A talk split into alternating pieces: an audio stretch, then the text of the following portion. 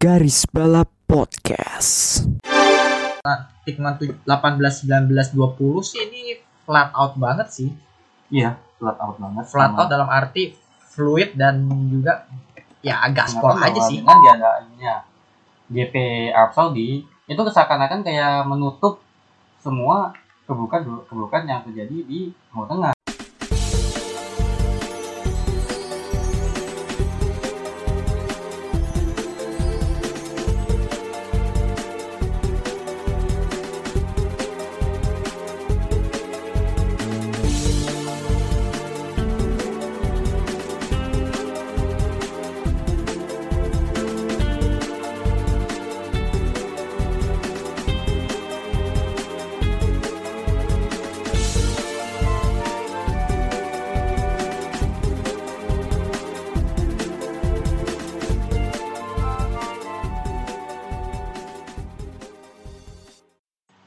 Kembali lagi di garis balap bersama double test driver andalan Anda. Gue bagus. Gua Yogo. Mantap.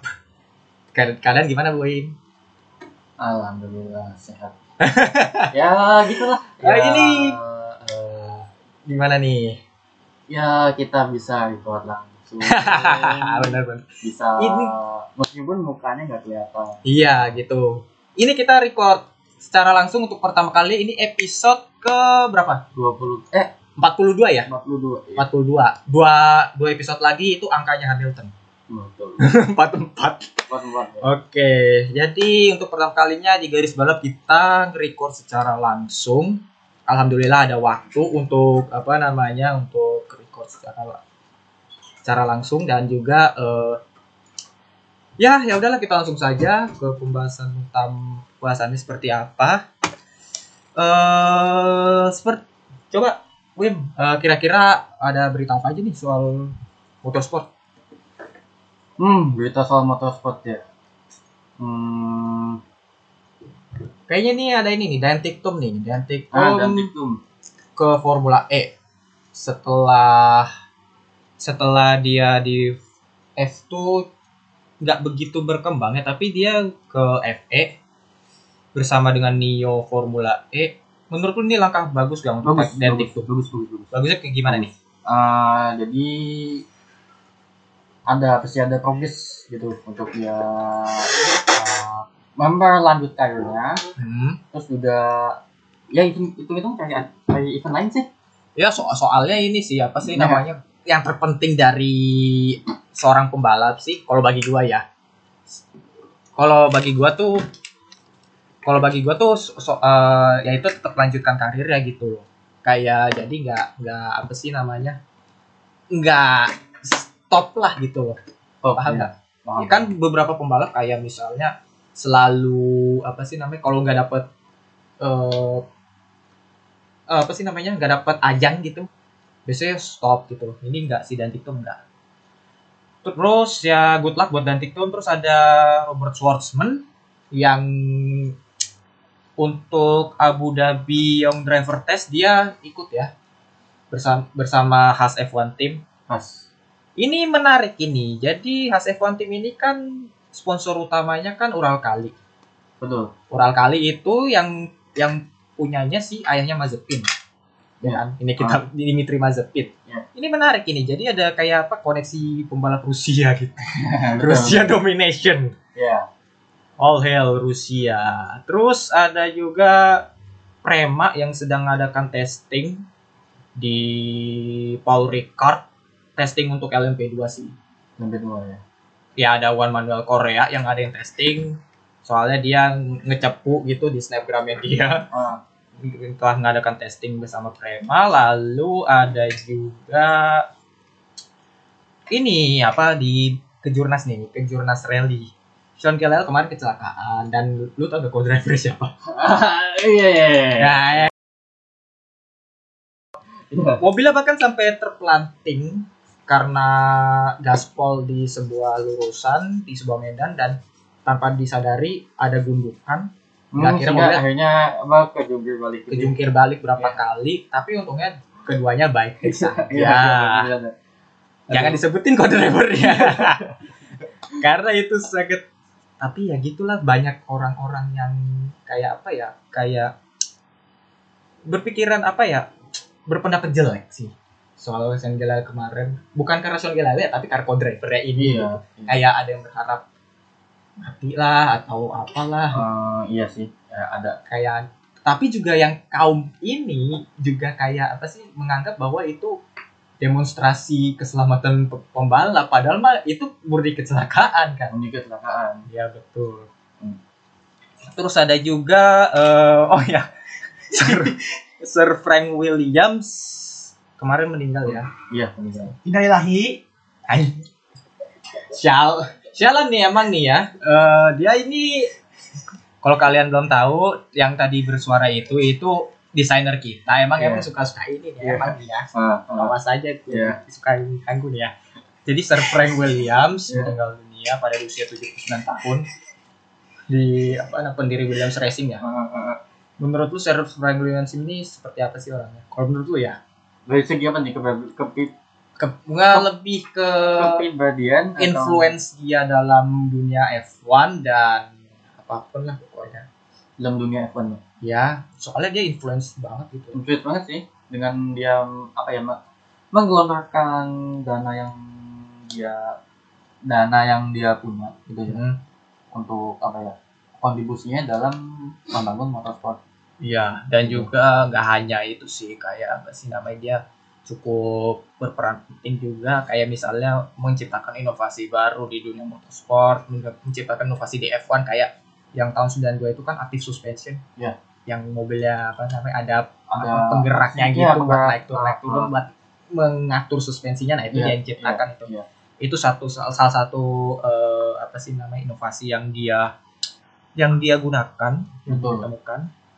Terus ada juga dari WEC ini ya. Ah WC kenapa tuh? Eh, tim ada tim baru asal Britania Raya Vector Sport. Dia Waduh. mengumumkan ikut FIA WEC untuk musim depan pada kelas LMP2 yang kedua. Pembalap yang diumumin pertama kali adalah Nico Muller. Ah, yang dua tahun kemudian jadi pembalap Audi di LMDH. LMDH Ya Nico Muller ini ya apa namanya latihan dulu lah dari prototype. Terus ada juga G-Drive Racing. Comeback lagi ke FIA World Endurance Championship. Mantap. Tim asal Rusia. Tim juara juara tim juara lah di kelas LMP2 kalau nggak salah. Terus eh, pembalapnya Roman Rus Roman Rusinov tidak tidak apa tidak tidak ikut balapan. Iya iya.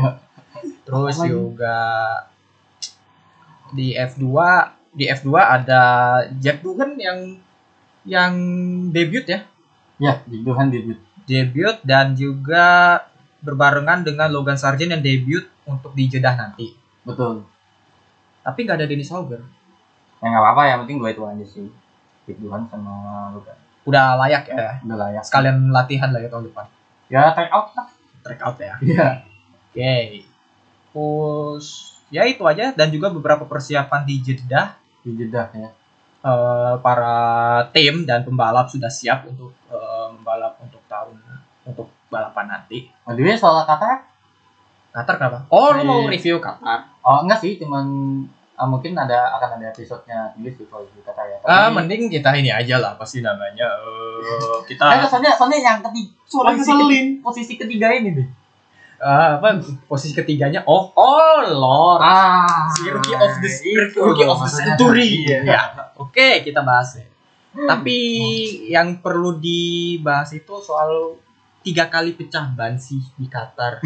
Menurut lo itu kenapa itu aduh ketiga kali pejabat itu sih panjang sih kelihatannya. Cuman itu kalau salah Russell Latifi sama iya sama salah tapi Botas. Botas botas betul. Iya. nah itu menurut menurut lo kenapa itu? Apakah karena Bisa- apakah ini Silverstone tahun lalu? Silverstone tahun ya kalau itu sih kalau pecah ban ya. Hmm. kalau pecah ban sih mungkin agak panjang sih pembahasannya. Tapi kalau ya yang jelas intinya kalau di fisika itu terjadi antara gesekan ban rotasi ban dengan panasnya perubahan panas dari pembakaran aspal Hmm.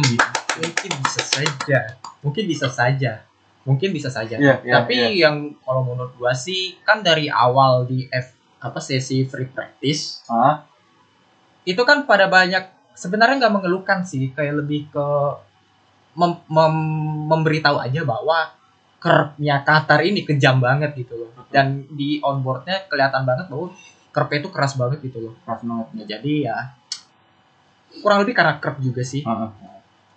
Tapi soal Alonso ini, Alonso tapi menurut gua Alonso juga ke podium juga karena ada keberuntungannya juga sih karena Max Verstappen dan Bottas ya Iya. itu kena penalti kan karena melanggar eh, bendera aturan bendera kuning pada saat Gasly ngalamin kecelakaan di kualifikasinya tapi dengan Alonso ya kembalinya Alonso ke podium ini pecah telur nih. Jadi Alonso itu ter- terakhir kali tahun 2014 podium Iya. di Hungaria. Hmm. itu P, P, P2 Hmm.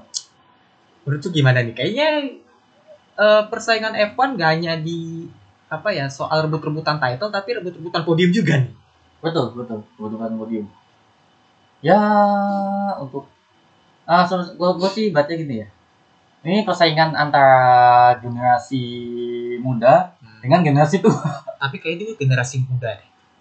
Generasi muda selamanya sih untuk sih. ya iya sih generasi muda selamanya. Rookie of the century cuy.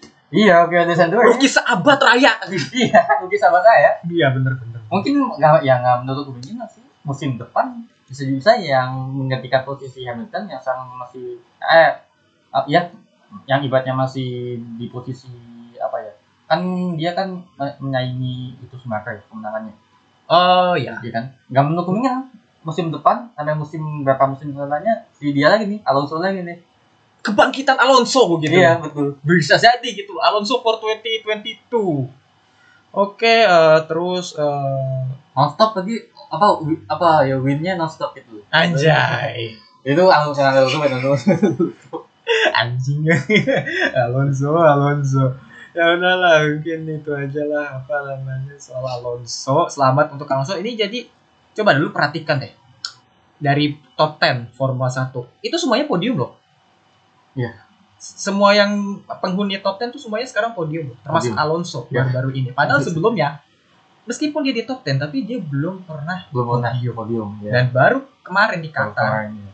kena podium itu Pernah podium ya itu top lah apa ya ya meskipun ada faktor lakinya ya faktor kebutuhan tapi Ya. lepas dari itu ya mantep lah Esteban Ocon aja yang Hungaria itu juga sebenarnya luck juga gitu. Jadi ya kalau luck, tapi kalau misalnya luck nggak dibarengin dengan apa namanya nggak dibarengin dengan usaha juga nggak nggak ke mana-mana lah. Oke mungkin langsung saja kita ke pembahasan utama. Kita kali ini bahas soal Arabian Motorsport dulu ya. betul Jadi Arabian Mot, jadi kita akan membahas sedikit aja, sedikit aja soal sejarah Arab di motorsport. Sebenarnya ini lebih ke Timur Tengah sih, sejarah Timur Tengah di motorsport. Terus juga nanti ada apa ya? Kita bahas sedikit sirkuit soal Jeddah sama dan juga kita membagi, membagi opini kita gitu soal banyaknya orang yang menentang Arab ya Saudi. ya. yang bagian itu agak sedikit sensitif tapi ya kita keluarkan saja apa yang kita kemukakan. betul Oke langsung saja soal sejarah Arab. Arab ya Ya mungkin lu bisa mengungkapkan sedikit soal sejarahnya Arab di motorsport ini. hmm, mungkin kalau sejarah ya Hmm. kalau sejarah itu nah sih kalau gue sih mengungkapin ini lebih ke apa ya lebih ke pebalap sih ya. Oh pembalap banyak yang berkembang banyak yang berkembang ya. Iya iya iya. ya mungkin salah satu contohnya ya meskipun bukan yang berkembang bukan yang signifikan banget tapi Hmm, paling enggak ya apa itu jadi cikal bakal berkembangnya motorsport di Arab betul. mungkin salah satunya dari kita mulai dari Un- United Arab Emirates dulu ya Iya. atau UAE Hmm. di situ ada Khalid Al Kubaisi Hmm. ada yang pernah dengar belum Oh itu mah kalau untuk motorsport sih lumayan lah dia kalau nggak salah di FIA WEC kan dia juga ber- berkompetisi di situ di Citkal CTA. Iya, apa Hmm. di 2016 di FIA WEC GTM urutan kedua. Terus habis itu di 2020 di 24 Hour GT, Hmm. 24 Hour GT series tingkat 2 juga. Hmm. Nah, yang spesial sih di 2021 sih. Hmm. Sama juga adanya di 24 Hour GT series. Hah? Eh, tapi di dia di apa ya menang di dua apa sih di dua tim yang berbeda gitu loh. Yes. Yang satu di tim Abu apa tim HRT Abu Dhabi Hmm. sama Terus sih. abis itu ada tim HRT di Bilstein. Oh, jadi Jadi apa ya? di sports car dia bagus sih di kelas GT ya. Ah, ah. Ya, ya, ya, ya. Tapi sebenarnya dia juga bukan sebenarnya bukan murid pembalap sih, dia juga ada sedikit bisnis ya. mengawali karirnya itu ya di usia yang udah uzur ya, tapi dia emang gemar balap sih. Ya, ya 30-an gitu ya. Ya, 30. gitu loh. Tapi di luar itu sih gue buat eh, bahas dikit aja nih soal Arab ya. Soal sejarah Arab Saudi di ini. Jadi Saudi Arabia ini eh, telah berkembang lah ya dibandingkan yang dahulu di dunia motorsport. Tapi ternyata dibandingkan dengan kayak Qatar sama ini federasinya ya, federasi motorsportnya ya. Ternyata di, di Qatar sama di Bahrain itu itu usia federasinya jauh lebih tua daripada Arab ya. Di Bahrain aja itu federasi sejarahnya ya sejarah sejarahnya di motorsport itu udah dari tahun 50-an. 50-an, waduh. Itu berapa itu, berapa itu tahun? 50, Itu 50 berapa itu? 50 ya 50-an lah 53. Ya, 53 berarti di atas bokap lu. Nah, makanya Enggak gua aja 58. ya dan ya gitulah. Terus juga ya sejarahnya panjang sih Bahrain ini dan juga Qatar. Qatar tuh mendirikan federasinya itu tahun 87. 87. Tahun 87 di 21 Juli 87 namanya Qatar Motor and Motorcycle Federation Hmm. atau biasa kita sebut di QMMF. QMMF.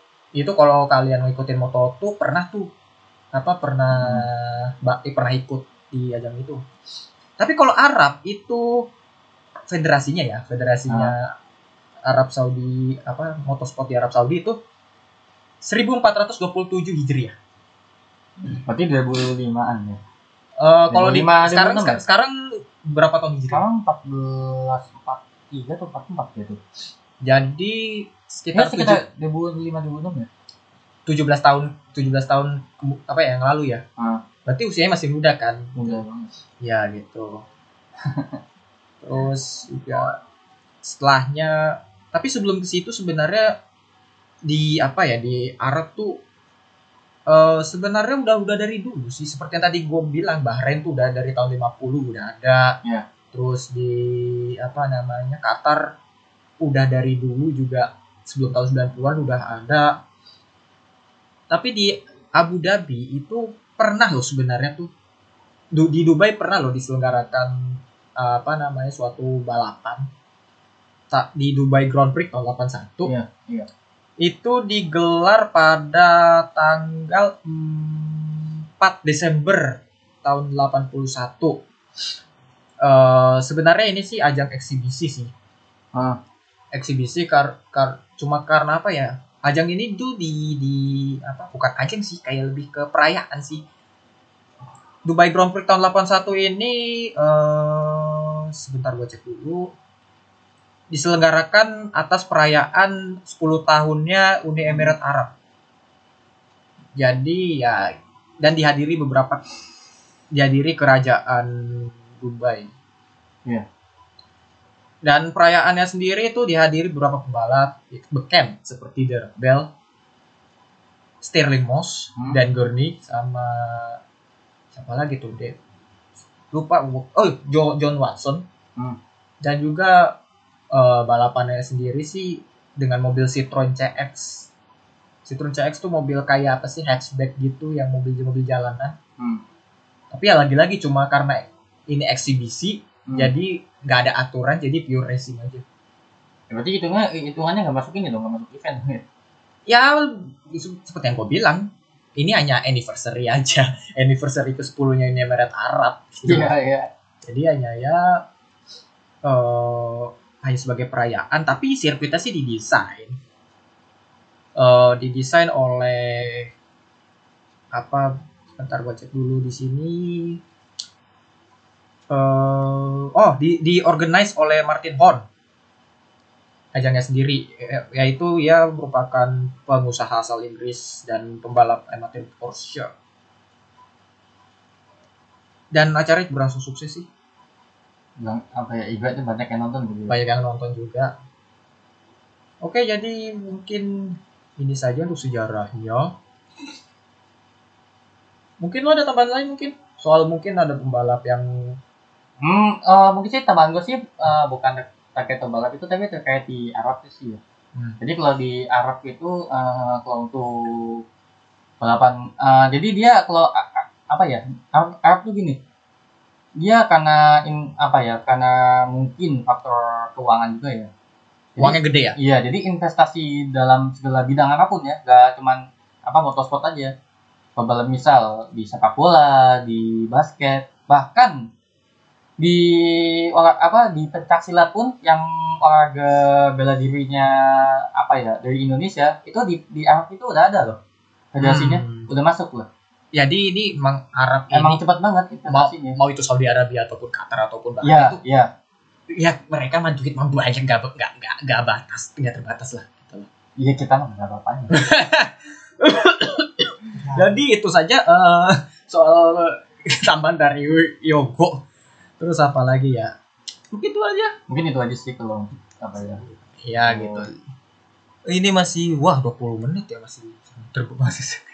masih sangat udah bahas yang lain udah. bahas yang lain udah ya. Ya udah langsung. GP Arab gimana? GP Janda. GP Jeddah. Jadi janda. GP Jeddah. GP Jeddah. Sirkuit Oke, Jeddah. sirkuit deh kita bahas soal sirkuit. Coba mungkin dari lu mungkin menilai sirkuit Jeddah ini seperti apa? Hampir keceplosan jedar loh. Bukan apa apa. Oh, ya kalau sirkuit Jeddah, sirkuit Jeddah itu eh, sirkuit Jeddah itu karakteristiknya pas sirkuit ya. Bisa dibilang pasti. Pas sirkuit ya. Terus Iya. tikungan juga banyak eh, juga ada beberapa titik tuh tikungannya tuh. Di coba eh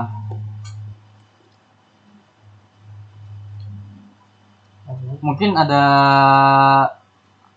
kalau un- untuk tikungan yang paling high banget sih ada dua ada dua tikungan sih ada di tikungan Kalau yang gue lihat sih ya heartbreakingnya itu yang benar-benar remnya pakem ya harus bener-bener Ah. rempol banget tuh. Rempol. coba lo, lo lihat di posisi yang 13 nah Oh, oh, ini ya turn 13. turn 13 ya Ya. Posisi 13 emang lagi balapan. iya turn, turn 13 Ya. turn 13 nah itu kan masuk itu apa ya Hairpin. Herbin ya Iya. sama posisi 27 Tik- Tikungan 327. iya Iya. iya tikungan 27 Ya soalnya kan total Nah. ada 27 tikungan dan Iya, juga eh, jarang apa ya eh, ini tuh tik, ini menurut gua sih ini sirkuit yang sangat beralir ya Beralih, Fluid. betul betul dan apalagi yang di tikungan tikungan 27 itu udah mendekati finish ya.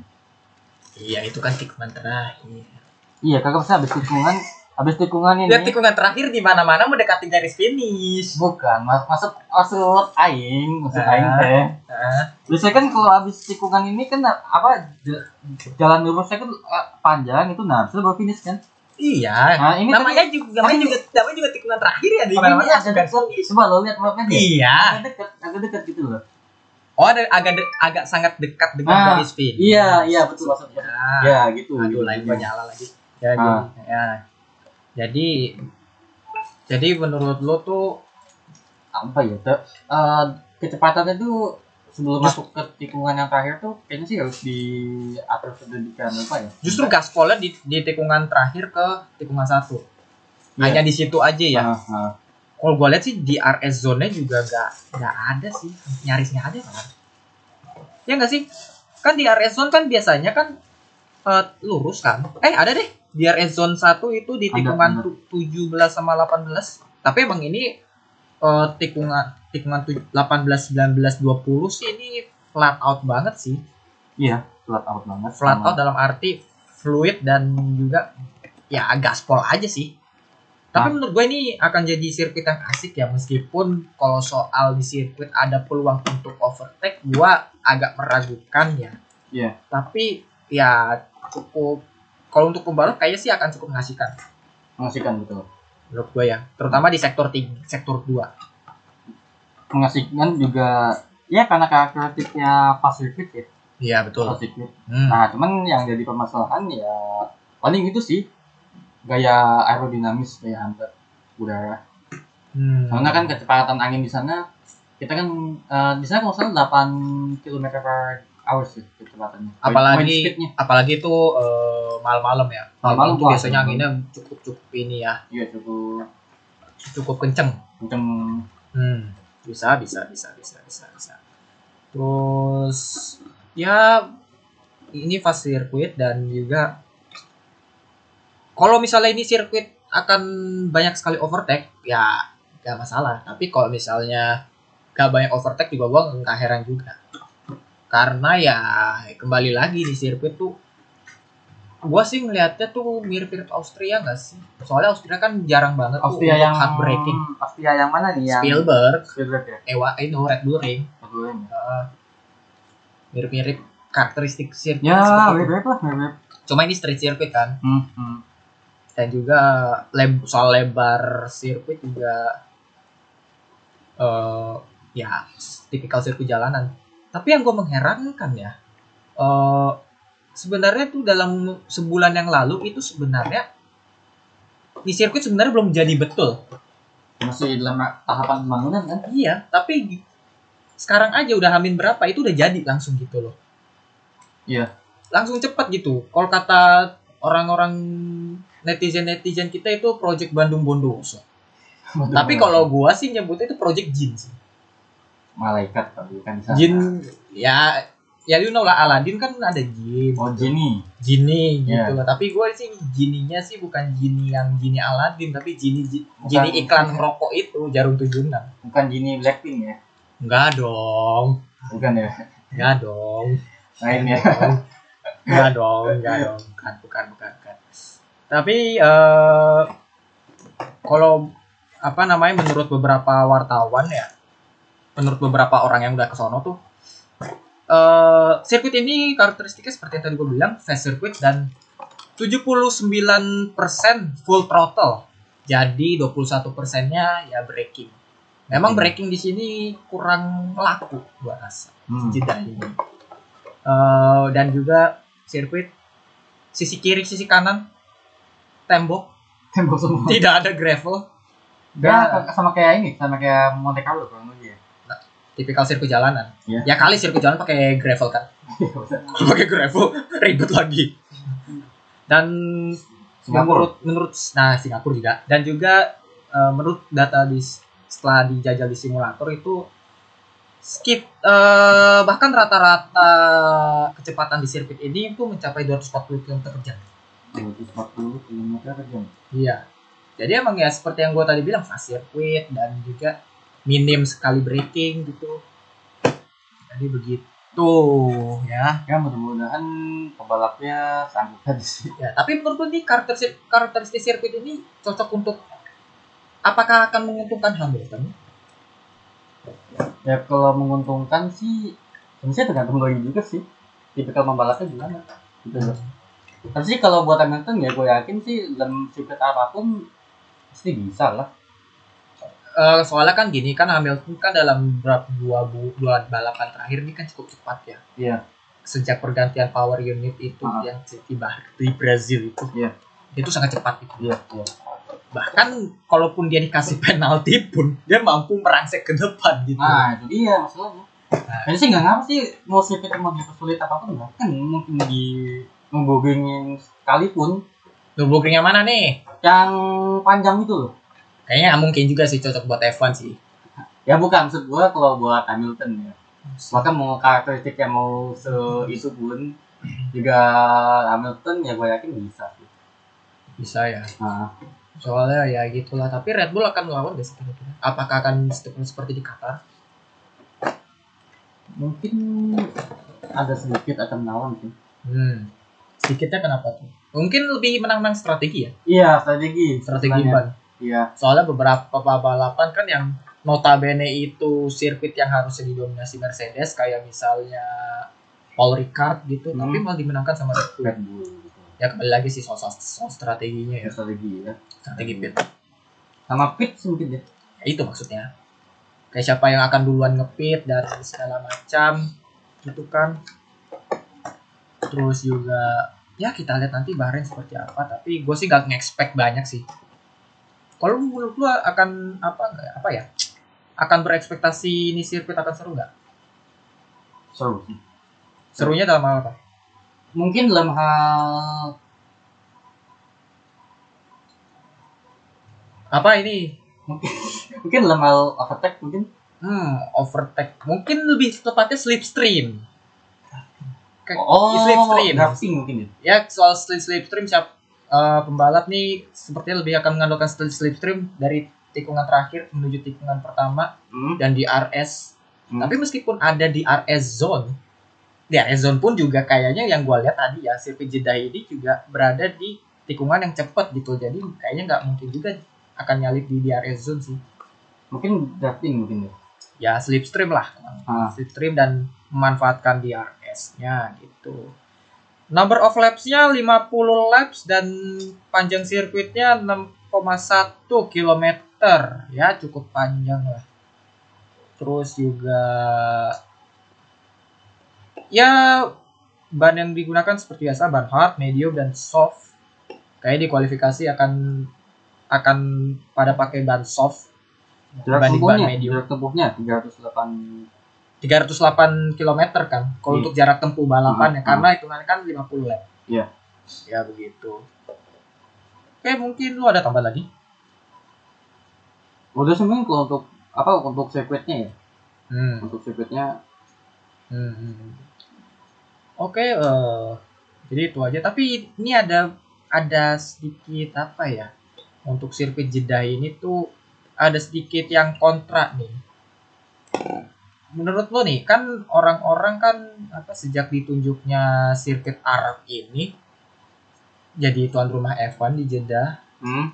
itu banyak yang kontra terutama yang fans-fans F1 yang berada di pusatnya F1 yaitu fans-fans di Eropa kenapa harus Arab wah FIA ini nih ngincer money-nya nih ngincer duitnya Iya. Ja- jangankan hanya Arab Qatar Bahrain pun juga kalaupun mereka gelar F1 di situ ngiranya FIA ngincer duitnya aja. Iya. padahal mah nggak juga ya. Dan dan juga kan mereka apa ya Em, kita sedikit keluar Evan kan Arab ini kan cukup apa ya terkenal dengan kasus hamnya ah betul. Dan mereka dan yang fans-fans ini kayak meng- mencampurkan itu gitu. Iya, jadi apa ya fans ini nih masalahnya kan gini ya di Arab itu kan ya tadi ada Muslim. Nah si SIW ini beranggapan bahwa dengan diadakannya GP Arab Saudi itu seakan-akan kayak menutup semua keburukan keburukan yang terjadi di Timur Tengah. sport washing Iya. kurang lebih ya Nah, terus eh, ya sebenarnya bisa ada kemungkinan gitu juga gitu kayak istilahnya menghapus dosa Arab Saudi Iya. dalam kasus ham gitu. ah, ah. Eh, dan juga ya ya ya padahal sih sebenarnya sih nggak ada hubungannya sih ya. karena kenapa tuh kalau nggak ada hubungannya Enggak, soalnya kan kalau misalnya oke, dia Arab Saudi katakan di mata mereka buruk ya soal um, terus Yes. diskriminasi terhadap wanita. Hmm. Tapi dengan diada diadainya event seperti ini gitu loh. Itu kan malah jadi apa ya? Bukan apa justru apa ya? Justru menutupi tapi justru malah membangkitkan apa ya? Maksudnya menghapus nama Bro Arab Saudi gitu loh Hmm. karena sukses menggelar kompetisi ini di tengah apa ya negaranya yang sedang dalam tercoreng iya kurang lebih ya gitu Oh, bisa juga sih. Atau emang Arab ini sudah ber- berubah pikiran kayak istilahnya beru- berubah idealisnya. Kayak misalnya eh, Arab ini kan ya kita tahu lah. Kalau kalau menurut gue sih negara yang cukup formal, formal dalam arti dalam hal pakaian baku. Apa baku kayak kaku sih, lebih bukan baku sih, kaku sih. ya pakaian Ya kayak ada harus persiapan. patuhin perat. Bener-bener menjunjung tinggi adat adat dan tata Iya. krama iya gitu. tetap sama. Buktinya aja kan eh, untuk pengunjung di GP Arab nanti nggak boleh harus pakai net tertutup kan, kayak Iya. sweater, nah itu pakaian tertutup itu sama mereka malah ditentang gitu. jaket gitu-gitu. Malah Nah, mereka kan tuh gitu. kayak ibarat tuh mereka tuh kayak kayak pengen tuh Arab tuh kalau emang Arab mau apa namanya eh Mau terbuka. menggelar menggelar F1 ya ya jangan jangan ini jangan apa sih Ya namanya hapus semuanya itu kan. iya semuanya. ya hak kita lah sebagai penonton mau pakai apa pun bebas gitu lah. Sekarang gini aja. Itu F1 kan di Arab ya? Malam-malam. Malam-malam. Dingin. dingin. Nah, masih baik kok panitianya nyuruh kita untuk berpakaian yang tertutup iya. tertutup dan tidak apa sih namanya tidak eh, tidak terbuka gitu dengan Betul, betul. dalam arti lo nggak akan kedinginan Betul. terus juga masih baik loh panitianya meng apa namanya meng, Ngasih menyuruh, menyuruh untuk berpakaian tertutup kayak misalnya lu boleh pakai jaket sweater atau apalah Misalnya ya konsol apa? Ya, pasti daripada pakai pakai gamis Iya. mereka lebih ini lagi Ah, ah. bakal marah-marah lagi pakai ini, pakai cadar. jadi dalam arti mereka Arab ini tuh masih fleksibel gitu Iya. meskipun lu disuruh berpakaian tertutup tapi itu kan tata keramanya negara itu ibarat lu mau masuk rumah lu mau bertamu masuk ke rumah orang ya lu mau nggak mau harus ikutin aturan si punya rumah lah Betul, betul. iya kan ah. ya nggak mungkin lah lu meskipun ya betul meskipun eh lu akan lu di lu apa lu apa si tuan rumah bilangnya anggaplah rumah sendiri tapi ya lu sebagai Tamu. ya. sebagai tamu yang nggak nggak enak juga lah Iya. ya kan ah. gak enak juga lah lu akan kayak di apa anggap itu rumah sendiri gitu pasti lu akan ya udahlah gua akan ikuti tata krama yang berlaku Betul, betul. dan juga kalau lu misalnya nih yang mau merantau atau apa ya misalnya lu mau merantau ke Jakarta atau mau merantau ke mana pun ya ikuti tat ikuti aturan te- eh, aturan setempat. aturan- setempat, betul. kalau lu nggak mau dikebukin Ah, ah. itu aja sih. Enggak, nah cuma satu lagi nih. Ah, mungkin ya, mungkin para SJW pusatnya F1 ya sebenarnya ya SCW kebanyakan SCW yang SJW di Arab pak ya benua biru lah ibaratnya. benua biru. Mungkin nganggapnya gini kalau misalnya Arab Saudi ingin menggelar satu event-event yang inter- internasional seperti tadi di Arab Saudi nah aturan itu yang aturan yang berpakaian itu lepas gitu loh jadi apa ya lepas diganti dengan himbauan jadi himbauannya tuh dikarenakan mal- malam hari cuacanya apa cuaca di sini sedang apa misal hmm, katakan misal berapa derajat celcius gitu Hmm. sangat dingin dihimbau untuk para penonton mengenakan jaket atau sweater. Nah, mungkin dengan kalau saya kali kaca seperti itu, mungkin mereka akan berpikiran atau berpandangan lain. Gitu ya. Bisa saja sih Benar nggak? bisa aja sih tapi di situ di dalam himbauannya tidak ada kayak himbauan untuk apa namanya udara akan dingin atau gimana Nah, mungkin sih. salahnya di situ sih, mungkin ya. iya mungkin mungkin di pihak panitianya juga sih tapi yang gue lebih ke orang-orang yang menentang ini kayak misalnya lalu apa ya masih baik loh panitianya untuk apa disuruhnya untuk lu bebas pakaian apa aja asal tertutup Iya. please ikutin budaya kita gitu Ya, bu, ya so, nggak, nggak, nggak, kita, kita pakai logika aja gini aja sih. Ya, dingin. Lo mau pakai begini ke sono, kuat nggak? Kalau selalu mati gimana? nah Nah, kalau misalnya kesiksa atau kedinginan atau gimana iya gitu loh maksudnya. Ya. Mikir ke situ juga, mereka dan ya oke lah orang-orang Eropa udah biasa sama dingin tapi kan ya kembali lagi Eropa dingin Eropa sama dingin Arab beda, beda, beda, beda, beda banget. dia saksinya coba yuk cerita Ya, waktu gua umroh tahun 2014 di apa ya di Madinah itu, itu apa subuh subuh tuh gue jalan ke sana. Gue padahal udah pakai gamis, bahkan gua double apa gamis tuh gua double sama jaket. It- itu aja masih kedinginan masalahnya. oh iya iya Ma- Malah sampai-sampai habis itu jaketnya tuh gua double lagi sama jaket lain. Hmm. Gitu loh. Karena saking dinginnya Hmm. gitu loh. iya iya iya iya iya gue sih belum pernah ke Arab sih ya insya Allah kalau misalnya ada rezeki mah gue sekalian minta atau apa tapi Amin. eh jadi tapi ya itulah apa namanya untuk misalnya yang sebenarnya nggak ada orang luar yang akan dengerin podcast kita sih tapi ya gue ber, ber- ini aja sih kayak eh, berpesan aja kalau misalnya ada yang mau ke sana ataupun mau menonton event ataupun gak usah nonton event ataupun mau merantau ke mana pun ya ikutin adat setempat ikutin tata krama setempat aja kalau mau diterima gitu. Jangan seenaknya gitu tapi soal kan ini ya F1 ini kan mengkampanyekan We Race S1 Nah, iya, meskipun meskipun udah dihapus ya lambang pelanginya tapi Iya.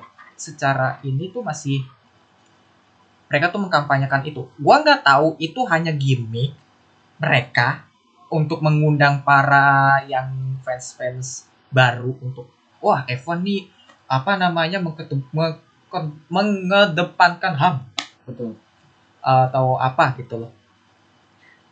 Eh, menurut lu Wires S1 ap- dengan digelarnya Arab ini Wires S1 itu gimmick apa enggak sih? Atau menurut lu, lu Wires S1 tuh mas, menurut lu apa?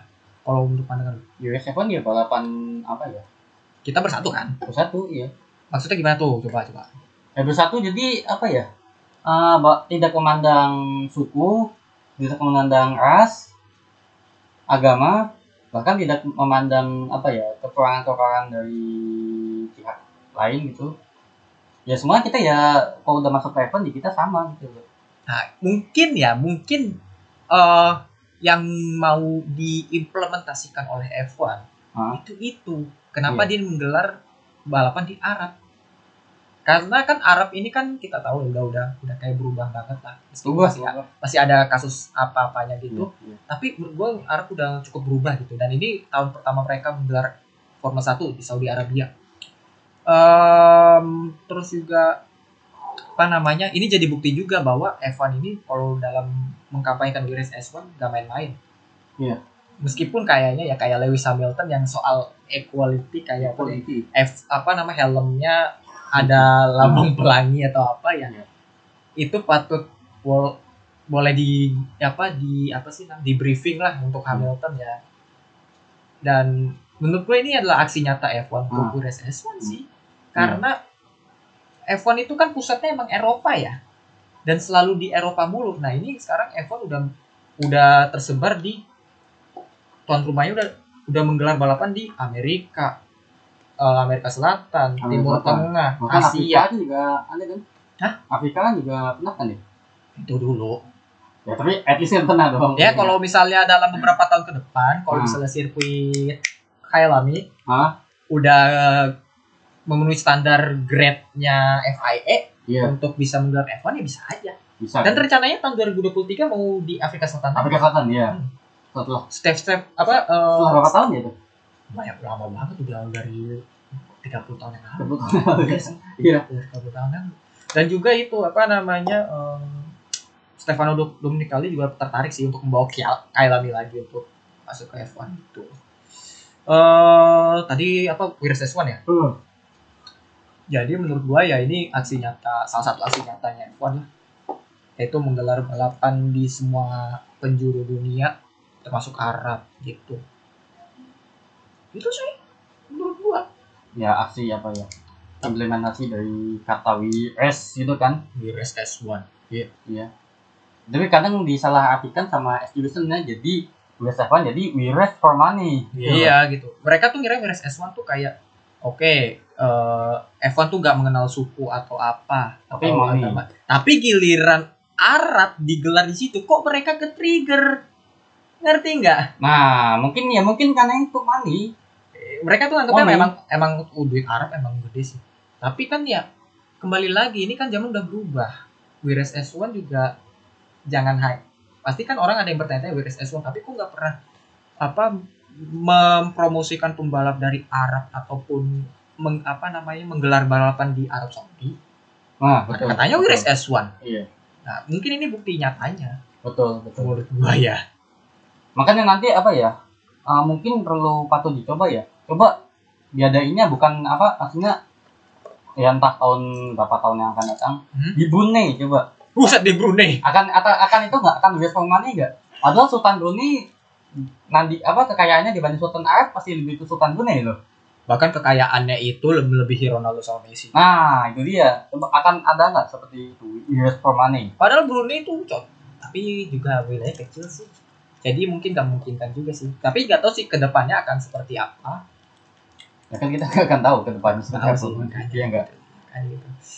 Oke mungkin ya itulah menurut gua sih SJW SJW yang menolak Arab itu kayak SJW SJW itu menurut standar ganda karena mereka tuh oh oke lu pengen menegakkan HAM, lu Ham, pengen betul. ini HAM, tapi paham ya giliran Arab Saudi yang dipilih kok lu nggak nggak kayak menentang ya kasih as kasih Arab kesempatan lah kalau emang itu sport washing kayak mencuci tangan mereka istilahnya atas keburukan mereka ya ya udah kasih kesempatan aja siapa tahu mereka bisa ajang yang bagus Iya betul betul banget itu. dan semoga saja nggak kejadian seperti Formula E yang di Riyadh ya yang kata ada rudal melayang Oh iya tuh sempat lihat. semoga, juga tuh. semoga aja aman ya Iya sempat lihat juga gue di YouTube ada rudal. Nah nggak tahu itu nggak sengaja keambil atau emang apa ya. Tapi yang jelas ada di berbagai media itu sih apa ya menyatakan bahwa itu bukan hoax. Gitu. ya emang emang Arab yang memang beneran bener bener. pas banget itu sama ya, Formula E di Riyadh oke jadi mungkin itu aja Itu aja sih mungkin ya. capek juga sih capek juga sumpah sumpah capek banget Ini apa ya live pertama loh nih setelah hampir kurang lebih setahun nanti ya Gus ya? ini bukan live sih kayak kita tuh apa Ya sih? live kan muka kita nggak ada gitu.